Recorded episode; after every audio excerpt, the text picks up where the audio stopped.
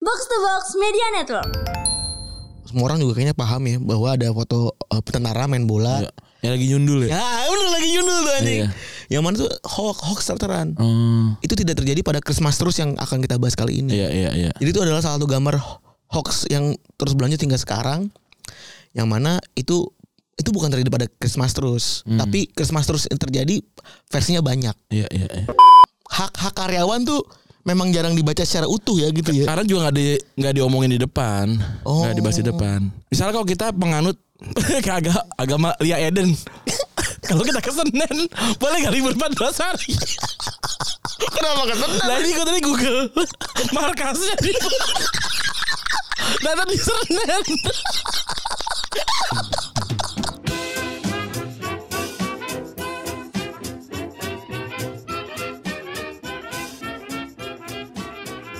Podcast Retropus episode ke-508 masih bersama Double Pivot andalan Anda Gorandi. Dan gua Febri. Oke, selamat hari Senin teman-teman ya. Yoi, selamat hari Senin. Senin yang cukup apa ya? Ini Cukup sebenarnya ada libur gak sih? Emang gak libur ya dari pemerintah ya? tidak ada, nggak di cancel. Kenapa emang? Kayak cuma kemarin ada sih. Tendang kucing di cancel.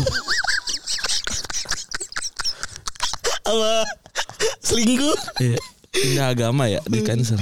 Kadit Pak ini kemarin salah ngomong katanya Eh, salah satu menterinya apa apa gitu kemarin salah ngomong kalau bahwa hari ini ada cuti bersama yang di gelonggongin yang kita Cuti bersama tuh baru-baru kita kerja apa udah dari lama sih ada cuti bersama tuh? Maksudnya dulu kan kayak libur ya libur dari pemerintah gitu. Sekarang kenapa cutinya dipotong gitu? sebenarnya tuh dari dulu sih Ran dari dulu Hmm. 2015 Kalau gua nggak mau cuti bersama boleh nggak? boleh Terus gua ngapain di kantor? Misalnya nih kita kerja di masih di Wisma 46 gitu. ya Kan itu pintu dikunci dan segala macam tuh. Gua sekarang leb- Natal gua nggak mau cuti bersama gitu. Gua masuk gitu. Tapi kan dikunci.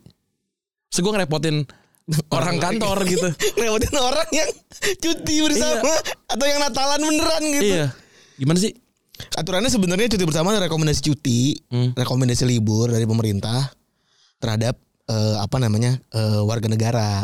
Dia merekomendasikan tapi nggak ngasih. Merekomendasikan tapi tidak apa ya, tidak memberikan libur tanggal merah. Iya, iya maksudnya aneh banget gitu. Maksudnya kalau kita Ini nggak nyambung kalau- sama kemarin ya. iya, Nyambung kalau sama kita kemarin. nggak mau cuti bersama boleh nggak? boleh, Kalau gue di asumsi gue nggak mau cuti bersama Lebaran boleh nggak? boleh. Terus gue Pertanyaannya- masuk. Hmm. boleh lu pertanyaan pertama akan ada emang nggak ada emang tidak bisa di ini yang lain gitu Ya nggak mau gitu. kan pilihan kan kalau harus,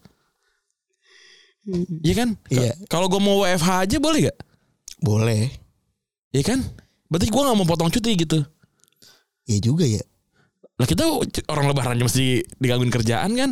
iya sih bener gimana tuh ya coba coba yang bisa menjelaskan nih kasih tahu gue soalnya cuti Iya. bersama itu adalah Aneh nih. itu tuh tidak Pemaksaan cuti apa gimana sih? bukan pemaksaan cuti jadi lebih ke gue nggak tahu juga sih asal asal muasal dari mana gue nggak tahu pribadi Iya, karena belum gue cari sih asal muasalnya Karena bokap nyokap gue tuh kayaknya waktu zaman dia kerja itu cuti apa masuk masuk gitu libur libur gitu loh.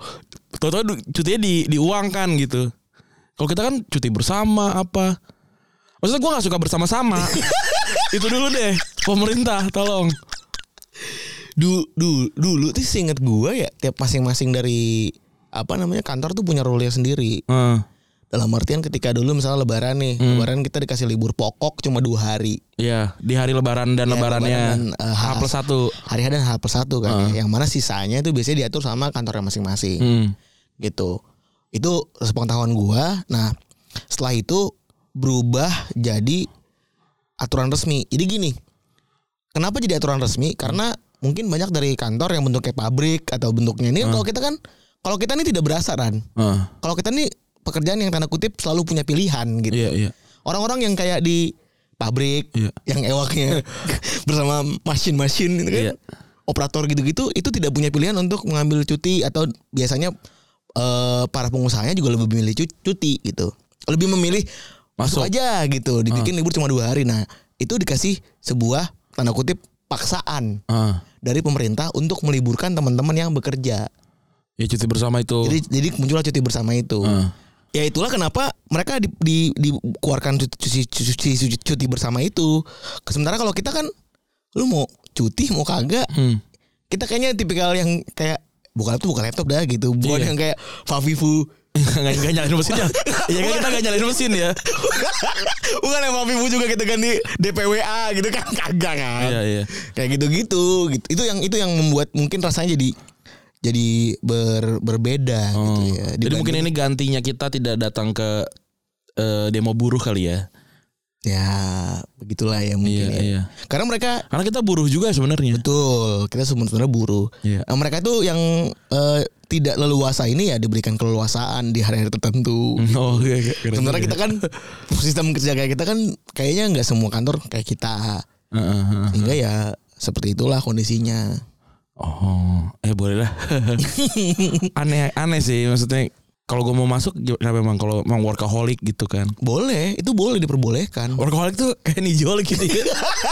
jadi agak kurang sungkan ya Iya. Jadi kita sana kita fans orang ngablu ya itu. Orang kerja, iya. Ya ya kan soal soal cuti gitu kan jadinya kayak cuti kita habisnya cuma pas cuti bersama doang gitu. Itu betul, sebenarnya betul ya. Tahun kemarin gue cuti gue 6 habis. Artinya kan eh ke angus karena gue nggak pernah cuti. Tahun depan lu 4 udah otomatis. Apa? Cuti bersama lu, cuti lu habis. Iya, iya. jadi jadi tinggal Delapan. 8. Tinggal 8. Itu Dan cuti kan nggak boleh semuanya dihabisin gitu 8. Boleh nggak? dalam aturan eh lokal dalam hal ini diasumsi gitu ya. Itu diperbolehkan. Oh, boleh. Boleh. Ayo Boleh. cuti langsung aja kali ya. Gue masih ada cuti 6. 5 plus 3 gitu misalnya. Hmm. Karena biasanya kan kalau orang udah ngambil 5 plus 3 gitu, itu biasanya mau ngambil vacation gitu ke luar negeri. Hmm. Sementara kalau umroh itu ada cuti lagi. Oh cuti umroh ada. Ada. Kalau kita bilangnya mau umroh terus nggak jadi,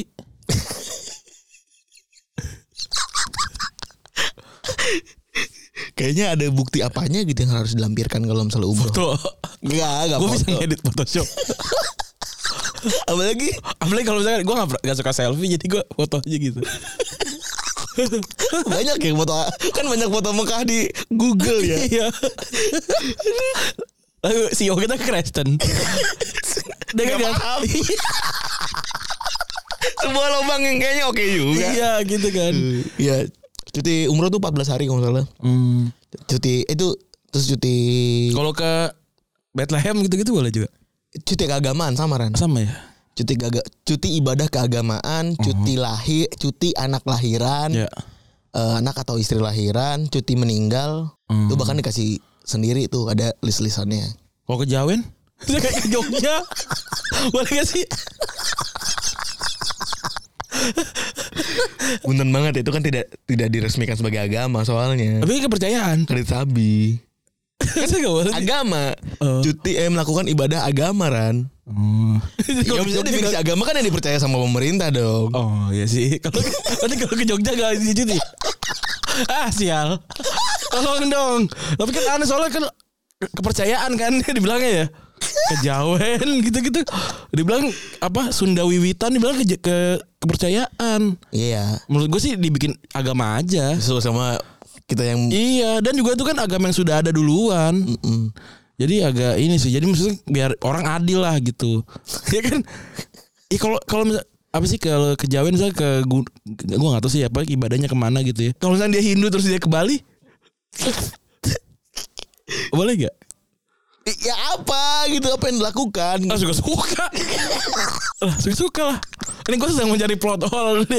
Dari sebuah aturan. dari ya. sebuah aturan. Karena paling seru dari membuat aturan adalah mencari plot hole yang sebenarnya. Iya kan ada yang kayak hacker-hacker kan dibayar ketika menemukan ini kan bug gitu-gitu kan. Iya, betul. Gitu. Ya, bisa jadi gue mungkin mencari bugnya juga dari aturan-aturan. basisnya adalah ini sih basisnya adalah agama yang diakui sama ya kalau lu bisa membuktikan misalnya lu mengaku sebagai ini nih misalnya lu mengaku sebagai Hinduis Hinduis gitu Hindu iya. Kan ada Hindu kan Hin- eh ya Hindu Bali kan beda ya sebenarnya sama Hindu yang di India ya setahu gue ya. ada perbedaan setahu gue Eh, iya ada. misalnya lu Hindu ingin tanda kutip umroh ke India gitu Ah. bertemu dengan para perindapan lain Iya. kalau emang ada da- basa- dasir- da- dasar-dasar kepercayaannya silakan aja kayaknya gitu Oh boleh tetap 14 Boleh. hari. boleh Hmm. cuti keaga cuti keagama cuti ibadah keagamaan namanya Hmm. itu diperbolehkan lu naik haji Iya. Karena jadi nggak adil kalau yang agamanya tuh nggak ada yang trip gitu kan. Iyalah, nggak adil lah. bi, bi- bisa setahu gua Iya, ka- kan nggak nggak disiapin kan karena bukan common knowledge gitu. Nah itu kan harusnya dipahami sama perusahaan juga. Dan HR-nya juga bukan yang kayak ih mengada-ngada kamu yang enggak. Iya. Tinggal dijelasin aja sebenarnya ada apa sih kayak gitu-gitu di hari tersebut lu tujuannya apa sih? Kalau Hmm. Misal kalau gue udah umroh, Mm-mm. terus gue berpindah agama, boleh tidak aku ke Yerusalem 14 hari lagi? dalam setahun enggak- dalam tahun yang sama nggak bisa. Nah, Itu jatah cutinya. Kan lis- jadi s- cuti setahun Anda ini kan. eh, kan agamanya beda. Ih, cuma sekali doang Rundi 14 hari itu cuma sehari doang Heeh. Cuma sekali doang Ini 14 hari kalau eh, Correct me if I'm wrong Ah. ya Nanti Iya. kalau baca buku lagi Kalau emang beda Tau gue 14 Hmm. 14 kalau nggak 7 deh kalau nggak salah Kalau misalnya kita tidak beragama, tapi di KTP Islam, Hmm. boleh nggak kita ke Jeddah gitu? Empat- Ngambil yang 14 hari, Kayaknya sih boleh. Ya kan kata, kan basisnya ada hukum Hukum ya. Alasan Misalnya kalau Piala Dunia terjadi di Arab Saudi. Boleh nggak kita ngambil cutinya cuti umroh?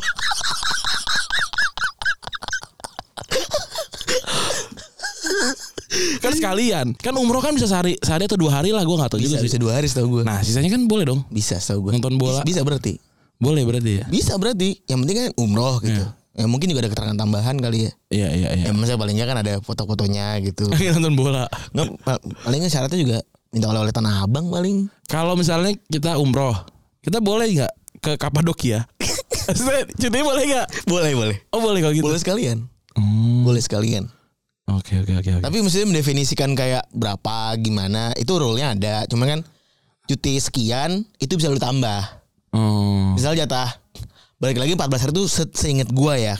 Eh misalnya cuti keagamaannya Iya. eh, 7 lu mau ke Kapadokia kan? Nah, liatin Melihat balon udara, balon kan? udara, iya. Balon- balon udara kan. Terus lu eh, merasa bahwa saya butuh extend ekstensi Iya. ini libur.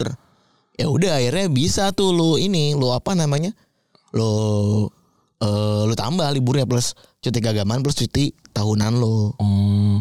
Gitu. Jadi sebenarnya Tapi fleksibel menarik sih. ya berarti maksud gua lu yang sebegitu geeknya sama membaca eh ek- secara aktual masih eh, apa namanya sama kayak gitu tuh masih kur eh, masih nggak nggak paham gitu ya maksud gue Iya, kan ini gue watif watif aja. Misalnya kalau kita tidak memaham maksud gua hak-hak hak-hak karyawan tuh memang jarang dibaca secara utuh ya gitu ya karena juga nggak di nggak diomongin di depan, Oh. nggak dibahas di depan. Misalnya kalau kita penganut kagak agama Lia Eden, kalau kita ke Senen boleh nggak libur 14 hari? kenapa kesenang Nah ini gue tadi Google markasnya di Datang di Senen. Berarti harusnya boleh ya?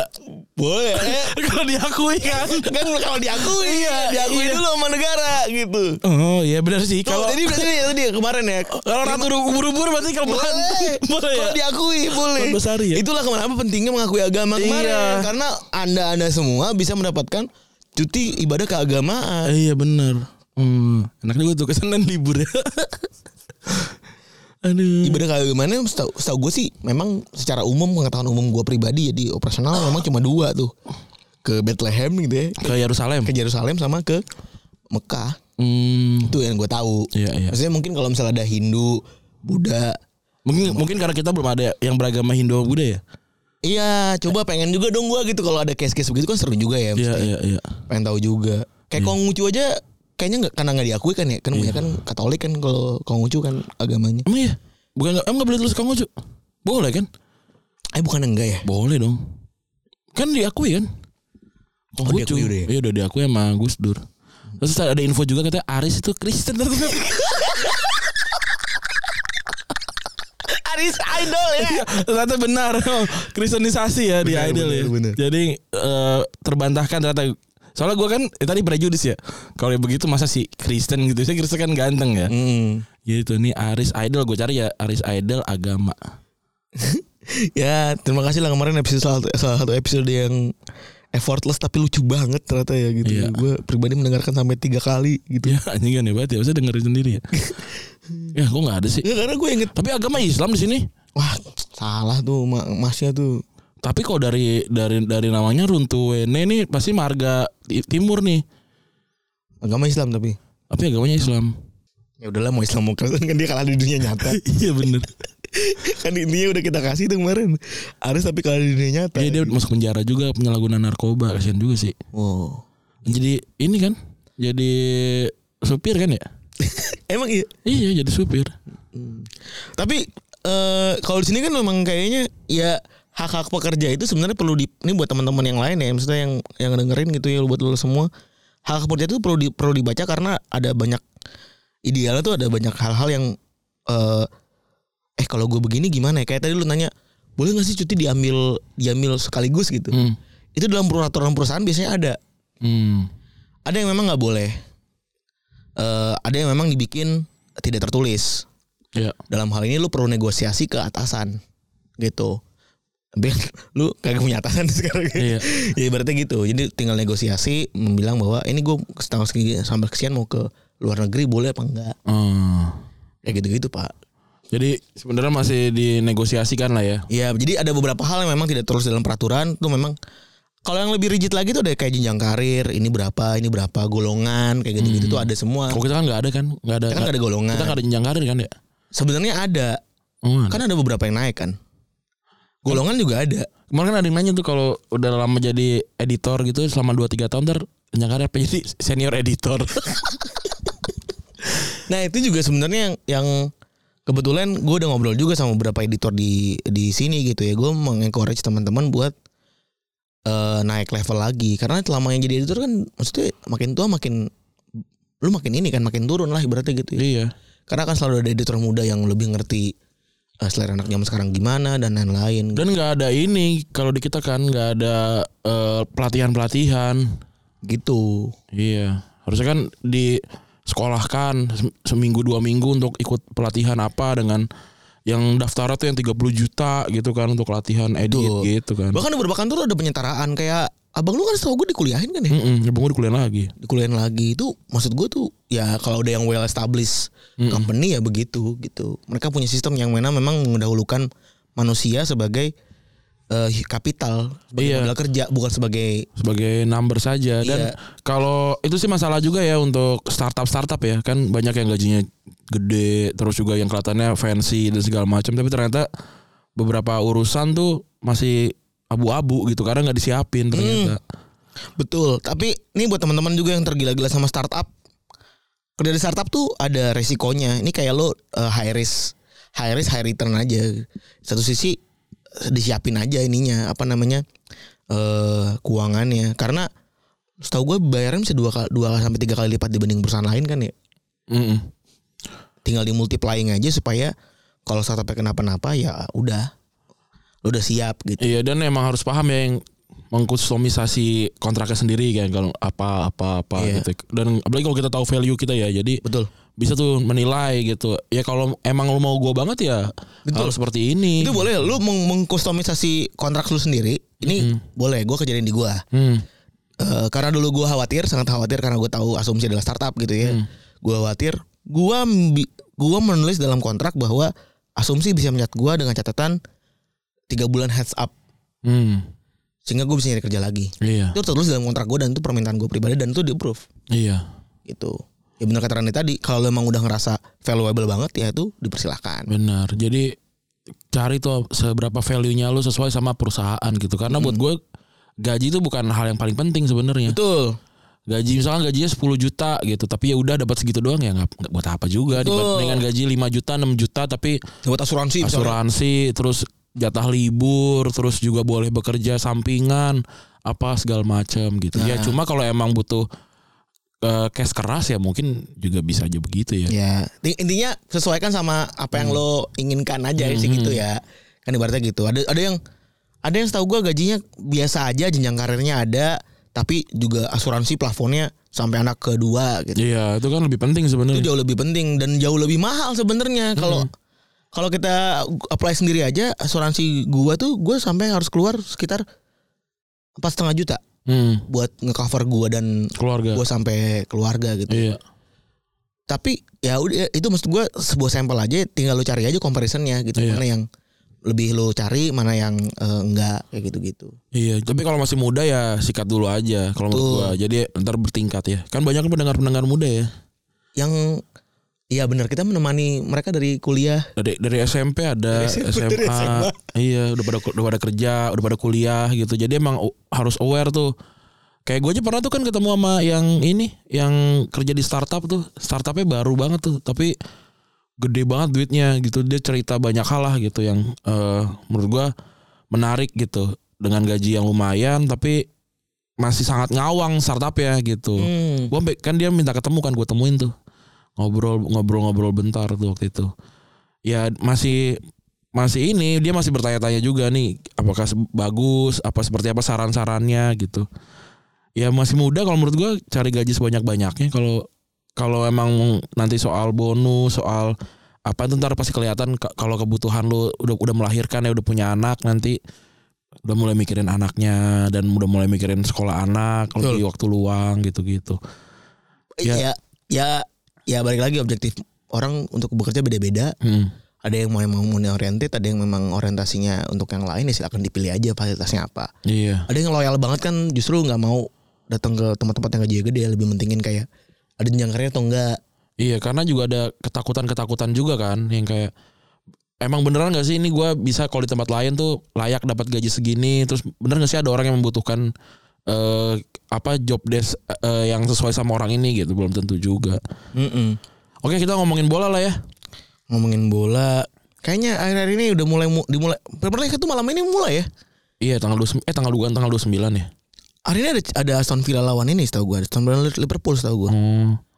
Ada Aston Villa Liverpool. Boxing Day ini ya. Ada Boxing Day. Oh iya, ada nih Brentford, Tottenham, Crystal Palace, Fulham, Everton, Wolverhampton, Leicester sama Southampton, Leicester, Newcastle, Southampton, Brighton ya. Iya, sian ya. Wah, udah pada main lagi. ya. Tapi kesianin mereka kayak lebih kasihan kita, Kita, yang ya. Indonesia ya. gajinya kita kurang gede jadi nggak usah dipeduliin sama mereka Terus juga kalau ngomongin masih hawa-hawa masih Piala Dunia ya Ran ya. ya ini Alexis Mac Alistair gue cek tulisannya vacation tuh masih dikasih libur sama Brighton Masih dikasih libur alasannya personal reason ya. enggak vacation tulisannya Oh vacation ya Hmm. Iya. asli, asli bahkan ya. iya Terus- coba kita lihat si Romero di iya sama Cristiano Lisandro juga. tapi Erik Ten Hag udah ngomen kalau dia kudu datang ke tanggal 27 ya anjing. emang kadang-kadang kan beda perusahaan ya beda HRD Beda perusahaan, beda HRD, beda aturan ya. iya Jadi tidak bisa tidak bisa disamakan gitu ya. Dan nggak boleh juga tuh protes. Sedih juga tapi ya. tapi Lisandro Martinez di sini MU lawan Nottingham dia vacation tapi tulisannya anon sampai Hmm. kapannya nggak tahu Masih anowan ya. iya Terus ribut-ribut dari minggu lalu tuh paling soal Messi jadi mata uang ya. Iya. Itu gue udah ngomongin sih di box to box kan. Iya Messi jadi mata uang. Eh itu bener ya? itu prediksi lu ya. Iya itu emang gue udah yakin sih. Sebagai soal prediction soal hebat tidak hebat aja. udah yakin gue nggak mungkin lah Messi nggak dijadiin mata uang nggak ada lagi yang lebih besar dibandingin Lionel Messi. di Argentina. Iya. Kalau perlu benderanya diganti muka Lionel Messi dengan matahari Matahari. kayaknya lebih layak gitu. Dan eh, kemarin soal Emilio Martinez yang ngangkat eh, bayi Mbappe ya. Hmm. Itu entah kenapa kalau di sepak bola tuh jadi pembahasan. Gue jadi tertarik soal soal kenapa ada beda cult- culture dalam hal banyak eh, olahraga eh, sepak bola dengan olahraga lain gitu maksud gue. Hmm. Apakah memang ada perbedaan tujuan ketika sepak bola itu dibuat sehingga hal-hal seperti itu tidak lazim dilakukan gitu Hmm. ya? Atau memang olahraga lain yang jauh lebih modern aja gitu? Ini kan kata gentleman food apa gentleman eh, sport ya kalau menurut gue sih biasa aja. Tapi si ini Emi Martinez tuh da- dapat teguran dari siapa pelatihnya Aston Villa yang dulu di Arsenal? Good Eh, evening siapa? ini anjing lupa sih gue babi orang Sevilla siapa namanya Villa, Sevilla Villarreal Siapa aduh namanya anjing pelatihnya? anjing kenapa jadi kenapa jadi ngeblank gue ya siapa yang namanya ya Ah, Guti Bening siapa Guti Bening dan banyak juga yang negor dia gitu Iya. banyak juga yang negor dia eh, apa namanya kayak Patrick Vieira juga negor dia kan Patrick Iya. Vieira bilang bahwa itu jadi eh, Unai Emery. Unai Emery. Si Patrick Vieira bilang kalau itu tidak menggambarkan seorang pemenang Piala Dunia. Apa pemenang Piala Dunia seperti apa? Eh, mungkin nggak tahu gua ekspektasinya makanya gue bingung makanya ekspektasinya seperti apa sih Iya. dari orang-orang ini gitu apakah memang tidak boleh di sepak bola kayak gitu-gitu padahal ya sah-sah aja menurut gua Tapi kita memang tidak lebih layak berkomentar dibandingin Patrick Vieira sih. oh. Dia pemenang Piala Dunia juga. Dan dia pernah di situ ya. Dia kapten sebuah tim invincible. Dia pelatih pe- tim Premier League. Jadi ya menurut gue dia lebih layak untuk ngomong gitu sih. Tapi menurut lu gimana pribadi terkait itu? Kalau Ini kayak mungkin ada code of conduct yang non tertulis aja kali di antara para pemain ya. Lebih ke begitu gak sih Ren? kalau kalau menurut gue sih biasa-biasa aja, sah-sah aja, nggak eh, nggak ada masalah gitu ya. Tapi ini kan sebuah komunitas yang kita tidak ada di dalamnya. Wah anjir. yang mana code of conductnya kita nggak tahu ya. Iya gitu. Bisa jadi mereka me- memang punya grup WhatsApp, punya komunitas seperti apa API gitu ya, Asosiasi Pro- eh, Pemain Profesional Inggris gitu ya misalnya. jadi emang ya bisa jadi gitu. Jadi gue sih menyetujui apa yang dikata, dikatakan sama si Patrick Vieira lah gitu. Hmm, menarik sih. Ini sebenarnya permasalahan soal antara pemain itu seperti apa sih Hmm. gentleman agreementnya gitu. nggak ada sih cuma respect respectan doang Nah, oh iya juga ya. Kayak mungkin kalau di media tuh kita kayak ngopi berita atau saling membantu antar wartawan kayak gitu, gitu ya. ya bisa jadi kan Mbappe sama Emil Martinez kan juga nggak kenal satu sama lain Oh iya. cuma ketemunya di lapangan pas banget final udah gitu doang ya biasa aja gitu cuma nggak tahu gua kalau kan banyak yang bilang kan Messi kok nggak negor dan segala macam ya mungkin ditegor kata Emil Martinez ya nggak apa-apa lah bang sekali-sekali gitu kan kita nggak pernah tahu apa yang terjadi di iya bener di Itu ruang itu ganti sotoyan kita sebagai fans cuma sampai situ doang akhirnya cuma Iya. bisa menyimpulkan A sampai Z iya dan nggak tahu fakta aslinya gimana. Tapi ba- anjing tapi lu sebagai Patrick Vieira ngomong itu valid lebih valid daripada kita ya anjing. iya valid lebih valid yang ngomong Kalau politikus yang ngomong baru dah kita masih debatable gitu ya. Iya. Mereka nggak tahu kan. Heeh. Kan ada tuh eh, apanya Prancis gitu ya. Menteri olahraga Prancis juga komentar bahwa- Menpora ya Menpora Prancis komentar kalau apa yang dilakukan sama Emi Martinez tuh disgrace gitu. Heeh. Ya ya sepakat sama Rani sih ini kayak kok antar community, antar community as a footballer, foot- footballer ya. Hmm. dan mereka jauh lebih paham ketimbang ketimbang kita gitu. Ini Kita mau ba- mau bahas apa nih sebenarnya sih? Gue yang berhubungan sama Natal. Hmm. Masih bahas ini ya. kre- Kresen lagi nih ya. Tadi gue baca tweetnya Iyas tuh. Ah, Dia bilang satpam dekat rumahnya dia apa satpamnya kantornya dia bilang Nih kok udara dingin banget nih udara Eropa nyampe sini bener kan setuju berarti ada ketika perayaan keagamaan Kristen udara lebih dingin Valid ya. valid Dan gue juga memvalidasi itu terjadi di tiga hari belakangan nih. Heeh. 24, 25, 26. terlepas dari emang Desember ya gitu ini lebih dingin Tapi Home Alone gak ada ya? Apa karena gue, gue nonton TV aja? mungkin Apa di karena gue gak nonton TV mungkin aja? lebih ke OTT ya. Gue kemarin di rumah kan TV-nya nyala kan. Adanya ini Karate Kid, Hmm. Oh. Jaden Smith sama si siapa namanya Jackie Chan. Hmm. Lucu ya. Nih, soal- kita hari ini akan ngomongin sebuah sejarah Iya. yang mana dicap sebagai Oh, gue tahu tapi ada film eh, Lebaran yang mengalahkan semua film Natal. apa kalau boleh tahu? Ten Brother.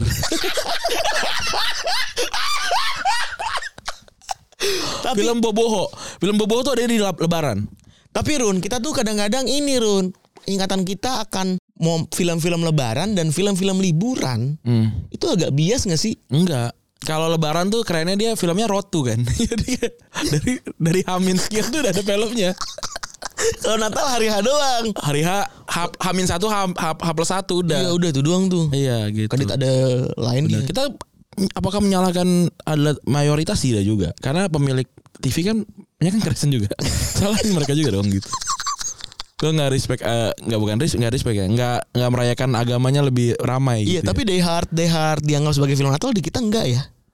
ya. Die Hard itu mm, enggak sih. Eh, kita Die- Die Die Hard kan yang kemarin Die- di- diributin banyak kan.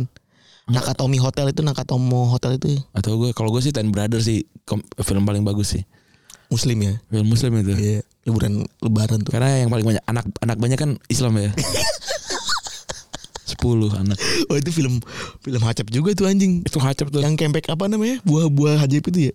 Iya yang enggak bukan buahnya sebenarnya yang ajaib itu tanahnya kan. Oh, iya apa yang ada orang nanam di duit. Iya. nanam di nanam palanya gede, tetenya gede. Nah, terus Tetenya gede ya. iya yang tetenya gede sebelah. Terus yang era-era dipecah jadi dua kan tuh lima-lima tuh kalau nggak salah bijinya Eh, Ham- is- suaminya hamil is- istrinya hamil nah yang satu ada di ada di istana yang satu di, Di- luar istana di, di gubuk ya. iya gitu itu Ten Brother tuh yang apa yang yang bibirnya gede ya yang minum air yang main palu ya main palu di air yang main palu di sama air ini gue gue eh, juga doyan sama ini apa namanya si film-film yang ada ini bobohonya tuh tiga tiga orang tuh Hmm? yang guru siapa namanya pamantat pamantat ya kan boboho Boboho. boboho gendut sama boboho kurus kan bukan main bobo tuh satu dong gendut Eh, yang gendut yang kurus tuh temennya temennya bobo Iya, kita punya itu teman boboho ya nggak tahu gue Padahal dia lakon ya iya padahal dia tuh protagonisnya gitu iya gitu ternyata boboho tuh artinya ini cute oh bahasa Mandarin jadi kita juga nggak nggak tahu nama asli boboho ya nggak tahu kita Iya bahkan kan? nggak tahu perannya dia namanya siapa sih kita nggak tahu tahu tahu bilang boboho cuy Iya, dia mau menjadi siapa bobo. Iya. Itu saking kuatnya tuh. Saking kuatnya sebuah image tuh. Ya kan si si paman, si boboho sama temennya boboho kan. Apa pacara boboho? Yang mah aduh lucu banget itu. Semua filmnya, tapi filmnya tuh kabur gua, nyampur semua. Wah iya, wah iya Ran, bener bener. Iya. Ini juga menyebalkan juga nih. Iya. Filmnya nyampur di kepala Iya. iya. Enggak, pas kita tonton kita nunggu adegan ininya misalnya nih. Kalau gua yang yang bisa gua pecah film boboho tuh yang gue ingat adalah itu yang Ten Brother. Ya. Terus yang boboho jadi kartu di film di film Bajak Laut. Tau gak lu? Hmm. bajak laut. Terus yang kedua film pampir Cina. Nah, pampir Cina aja tuh ada pampir Cina sendiri, ada pampir Cina boboho. ya kan? ada pampir Cina yang lakonnya bukan boboho ada. Iya, pokoknya enak-enak dah. Iya, tapi yang kita itu boboho yang apa yang dia pakai masker terus napasnya pakai pakai selang tuh enggak? yang geser-geser. Nah, itu. Iya, itu ada tuh. Ada tapi film pampir Cina lain gitu yang emang serem. Kan kalau boboh kan udah lucu-lucunya gitu. Terus ada boboh yang sekolah, Oh, yang pacaran, sekolah yang ninja nggak sih? bukan yang sekolah di ini di kuil juga. Oh iya. Yang yang dia punya pacar tuh, pacar boboho gitu. Wah, iya bener. Nah, tapi yang lain tuh nyampur semua. Tapi gue yang paling gue inget adalah sekolah ninja tuh. bukan sekolah ninja. Nggak, yang paling gue inget nih. Hah? Filmnya sekolah ninja tau gak sih? Kan boboh kan di Cina gak ada ninja. Nggak tahu, gue pokoknya di sekolah sekolah silat tau gak sih? Iya, ke sekolah silat. Itu yang itu yang di kuil. Itu yang di kuil. Oh, yang akhirnya dia ada Yang pakai sumpit kan yang ngambil alat kan cak gitu kan. Iya, tiba-tiba ada sekelompok orang dateng Iya. musuh gitu kan. Iya, ya kan ada ada guru yang tua banget, si paman, boboho dan te- temennya boboho. Wah iya tapi anjing juga bener ya Ren- Ren ya. Ingatan kita terhadap film Bobo tuh sangat nyampur. Iya kabur, jadi ka- karena ki- kan juga kita nggak pernah nonton sampai dari awal sampai habis Anjing. itu tuh. Tapi itu film lebaran kalau boboho tuh. Iya iya. iya. Lebih lebih lekatnya film lebaran walaupun beberapa kali sering ada di ha- di hari-hari biasa juga ada. Bener. Hari libur sih, hari libur sekolah. Hal libur juga ada tuh. Mereka punya ini ya, TV punya jadwal libur sekolah ya. Ada. Sekarang nggak tahu kali ya. Aduh. gila. Ya begitulah ya. Nah kali ini kita akan bahas tentang sebuah momen yang dibanggakan sama pesepak bola ketika Natal. Iya. Sama yaitu Christmas terus ya Iya, namanya. Christmas terus. orang bilang Christmas terus itu adalah eh apa namanya sebuah momen di mana wujud dari kasih sayang Natal dalam bentuk sepak bola. Iya. Dan sepak bola mendamaikan dan sepak bola mendamaikan peperangan waktu itu ya. Hmm. Ini ada sebuah foto yang lo pasti ingat eh, mungkin semba- eh, semua orang juga kayaknya paham ya bahwa ada foto eh, tentara main bola. Iya. Yang lagi nyundul ya. Ya, bener lagi Yunus tuh anjing. Iya. Yang mana tuh hoax hoax terteran Oh. itu tidak terjadi pada Christmas terus yang akan kita bahas kali ini. Iya, iya, iya. Jadi itu adalah salah satu gambar hoax yang terus berlanjut hingga sekarang. Yang mana itu itu bukan terjadi pada Christmas terus, Hmm. tapi Christmas terus yang terjadi versinya banyak. Iya, iya, iya. Nah, i- dan ini kejadian tanggal 25 September 1914 ketika salah satu eh, muncul perang dunia pertama ya. Ini Iya. perang dunia pertama tuh berarti gara-gara apa sih? Ada orang berantem dah pokoknya. Kalau yang nembak ini siapa? Franz Ferdinand. Franz Ferdinand itu pertama kayaknya ya. Lupa gue lagi. Pertama ya? Iya. Gue gak tahu pokoknya ada band namanya Franz Ferdinand gue inget ini salah satu pemicu perang dunia aja. Ya pokoknya gara-gara Austria berantem sama Jerman aja nih dari dulu mah. Oh iya ya bener. Iya. Nah intinya eh semangat Natal ini mampu ngedamain serdadu Inggris sama Jerman yang tengah berperang di tanah Perancis. Tanah Perancis disebutnya masih ini tanah yang tak, tak bertuan. Iya. Menariknya ceritanya di sini adalah sepak bola dianggap menjadi eh, apa namanya menu utamanya karena dengan sepak bola dengan ada sepak bola itu mereka jadi berdamai lah gitu. Iya karena kalau dilihat dari katanya kan kalau terus itu kan perjanjian damai dalam satuan waktu tertentu sebenarnya. Gencatan senjata lah gitu ya. Ya benar. Gitu. Nah, se- banyak dikenal dengan Christmas Truce padahal Christmas Truce itu adalah perangnya. Perang ketika Natal, Iya. bukan tentang sepak bolanya. Jadi Per- Ini kali apa perdamaian antara perang kali. iya ya jadi kayak momen itunya Ya yang- jadi kita mau Natal dulu nih gitu. Iya, momen itunya yang di- Alhamdulillahnya itu terjadi karena dua agama Kristen ya yang ber, bersitegang ya. coba orang Islam yang di situ. Iya. Orang nyambung. Iya, soal ini. Atau sebaliknya juga gitu ya. Tapi kalau begitu kayaknya makin, malah makin diserang gak sih? Karena lagi lalai gitu pihak sebelah gitu. nggak tahu sih kalau di Islam kan ada ini juga ya eh, etika perang ya tidak boleh menyerang yang sedang ber beribadah gitu Oh iya, oh iya ya ada. ada Nah kejadian sepak kejadian main sepak bola ini dipicu oleh permintaan Paus Benedict eh, berapa nih? XV, XV itu 17 ya? Eh 15. 15 yang diomongin di tanggal 7 Desember 1914.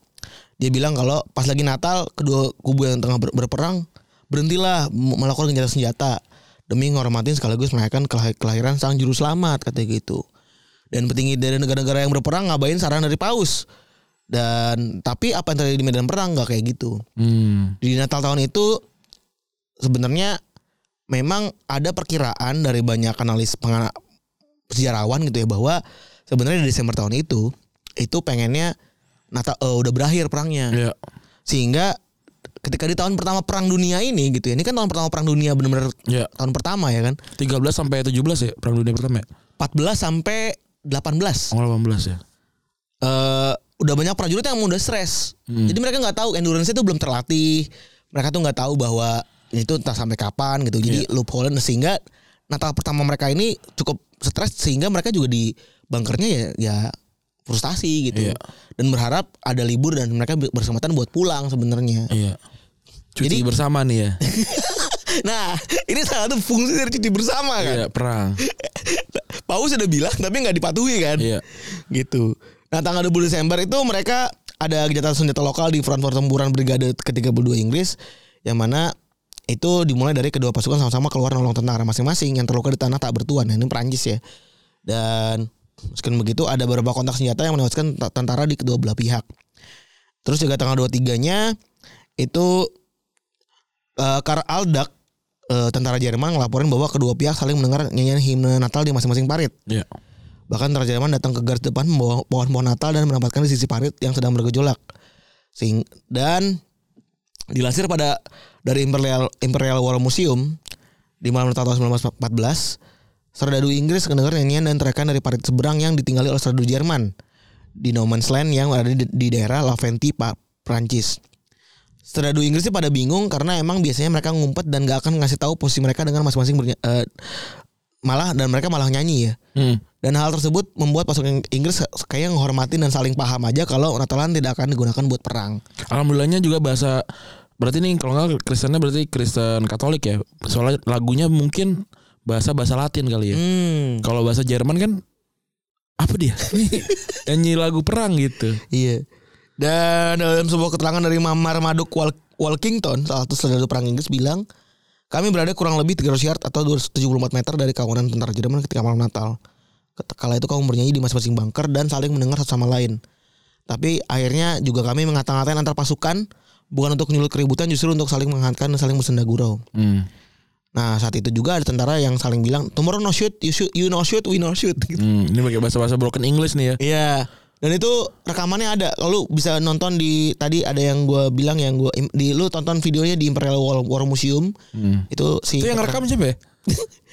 baru-baru. Nah, ini yang ngerekam ini. Ah itu juga gua nggak tahu dah. Kok ada videonya ya gua? bingung. Footage-nya siapa gitu? Iya, gua, gua bingung dah. Kok mereka punya footage-nya ya? Iya, Lengkap kan itu footage-nya ada di bunker-bunker. iya aneh ya. Kalau Indonesia kan nggak ada tuh. Jadi sejarahnya tuh rabun gitu ya. Yang ngerekam juga pasti orang Belanda gitu ya. Kalau nggak routers, kalau nggak orang Belanda. Iya. gitu-gitu. Terus eh keesokan harinya kedua kubu yang tengah berperang ini saling bertukar pesan dan hadiah malah ngasih rokok, ngasih makanan dan saling menyerahkan tawanan serta menguburkan rekan-rekannya yang udah gugur dan satu hal yang belum pernah ada sebelumnya mereka main sepak bola. Oh, iya. Tadi men, mereka memutuskan untuk udah kita main bola aja deh gitu ya. Ini kalau dari kesaksian sebenarnya versinya banyak nih. Hmm. Gue sudah melakukan debat pada Yudis eh, anak eh, apa risetnya asumsi ya, Hmm. pre asumsi. Gue nanya ke dia, Dui, kenapa sih dalam sejarah itu selalu banyak versi? Hmm. Apakah versi yang satu tuh hoax, versi yang dua tuh benar, versi tiga juga hoax kayak gitu kan? Kalau di Islam kan memang udah ada perawinya ya maksudnya Hmm. mana yang eh, apa sebutannya? Iya proyadis. Iya perawi yang tidak dipercaya gitu gitu nih, Ah. ada kan ya? Ada.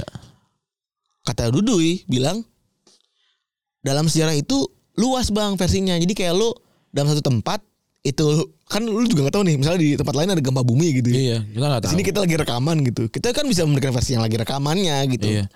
Ya kan orang cerita kita di kantor aja bisa beda-beda. nah Iya. itu seperti itu dan memang perdebatan antara akademisi sejarah itu akan selalu berulang dengan berbagai macam versi ini kata Iya. si Dudu ini buat yang teman-teman yang belum tahu sejarah kayak gitu kok konteksnya ya jadi kalau kesaksian dari Kopra tentara Inggris namanya John Ferguson dia bilang kalau eh, pagi itu kami berselaman mengucapkan selamat Natal dan berbincang-bincang seolah kami sudah saling mengenal lama selama Pakai bahasa apa bertahun-tahun." ya tapi? dia ceritanya pakai bahasa Inggris sih Iya kan bisa jadi orang Jerman nggak bisa bahasa Inggris ya. nah itu dia yang gue Iya. bilang mungkin broken English juga kali ya Setahu gua kan Inggris itu kan men- dapat dapat bahasa eh, nas- apa bahasa internasional karena mereka menang perang kan. Wah ini berarti belum belum ada ininya ya. Iya, belum gitu. ada SOP-nya berarti. ya? Bener. Dan di sini kami ngobrol dan tertawa bersama-sama mungkin ngobrol orang gagu aja. Iya. iya. Charles. Wah. Iya, iya, iya, gitu-gitu. Yang penting heboh. Dan tidak ada rasa benci sedikit pun dari kedua belah pihak dari pihak kami tidak pula muncul keinginan untuk bertempur. Kenyataan senjata Natal ini seperti ronde sebuah pertarungan tinju yang bersahabat. Permainan sepak bola yang dilakukan tersebut sebenarnya tidak seperti versi sebelumnya kalau emang ada pertandingan antara Jerman versus Inggris.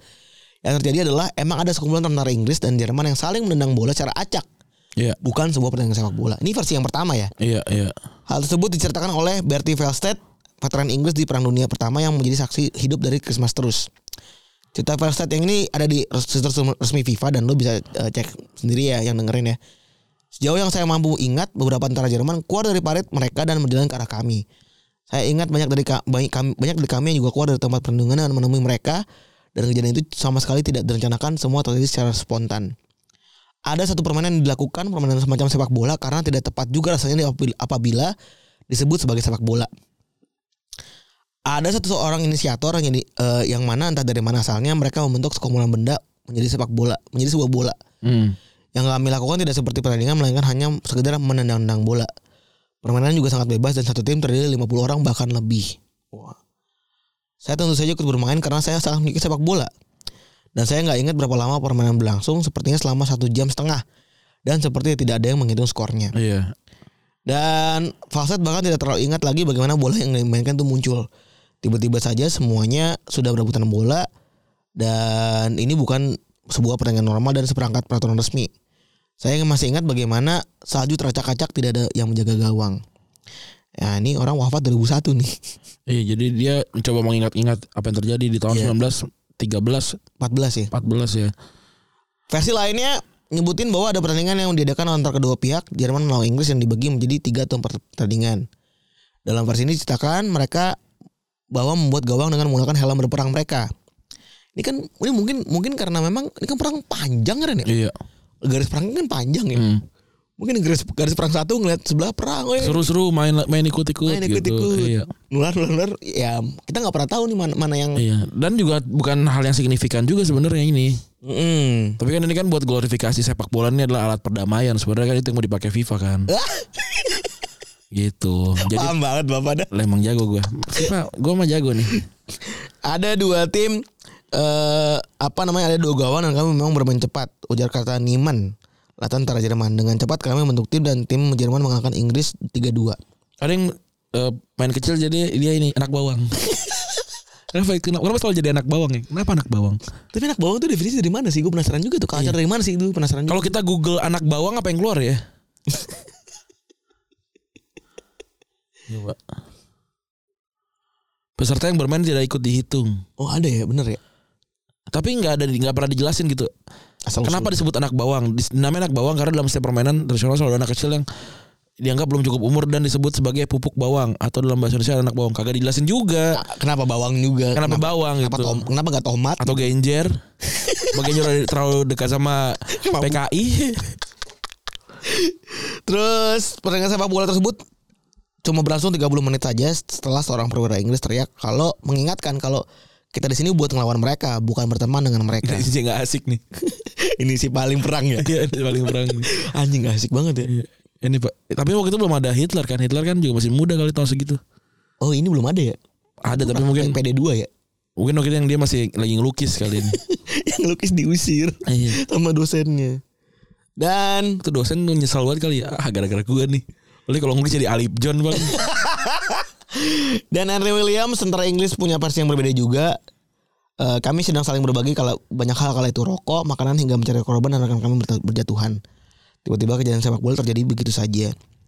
Apakah itu sebuah laga sepak bola yang proper? Ya, itu sangat proper kalau kata Henry Williams. Hmm. Kami bukan sengaja membentuk tim tapi memang satu sama lain kumpulan dari tentara menang bola ke arah berlawanan untuk mencetak gol. Saya ingat kali itu yang bermain hingga ratusan orang. Apakah saya bermain? Ya waktu itu di umur saya masih 19 tahun dan saya masih sangat baik dalam melakukannya. Ada ah, ada, ada versi lain juga tim Jerman berhasil mengalahkan tim Inggris yang diperkuat sama Ya. Ini biasanya yang ambi nih ya. ini yang ambi nih. yang bikin narasi-narasi Iya. detail ya menang 3-2. Dan sebuah sanggahan dari House of Fame yang udah tadi gue udah bilang juga bahwa ketika kejadian ini masuk ke ranah digital ada sebuah foto yang mana itu tadi Randi bilang ya sebuah sundulan ya. Dan dijelaskan kalau foto itu merupakan peristiwa di hari Natal tahun 15 bukan 14. Narasinya pun bukan gencatan senjata bukan gencatan senjata tentara Jerman dan Inggris. Dan oleh karena itu di di apa namanya di disanggah dengan bilang bahwa tentara Ing- itu aslinya adalah tentara Inggris dan orang-orang dari kereta amunisi divisi 26 bermain sepak bola di Salonika Yunani tahun 15. Jadi sama-sama satu pasukan. Iya, sebenarnya agak gampang untuk ngecek tangga tahunnya dan segala macamnya karena kan ini seragam ya, Hmm. gitu. Beda beda seragam actually. Iya, gitu. Jadi gampang ketahuan. Jadi jadi dianggap itu sebagai eh, Christmas terus ini karena eh, beda seragam Iya. tapi ternyata cuma beda kompi aja gitu. Betul. Yang agak yang agak susah kalau seragamnya Inter ya, soalnya baju itu terus.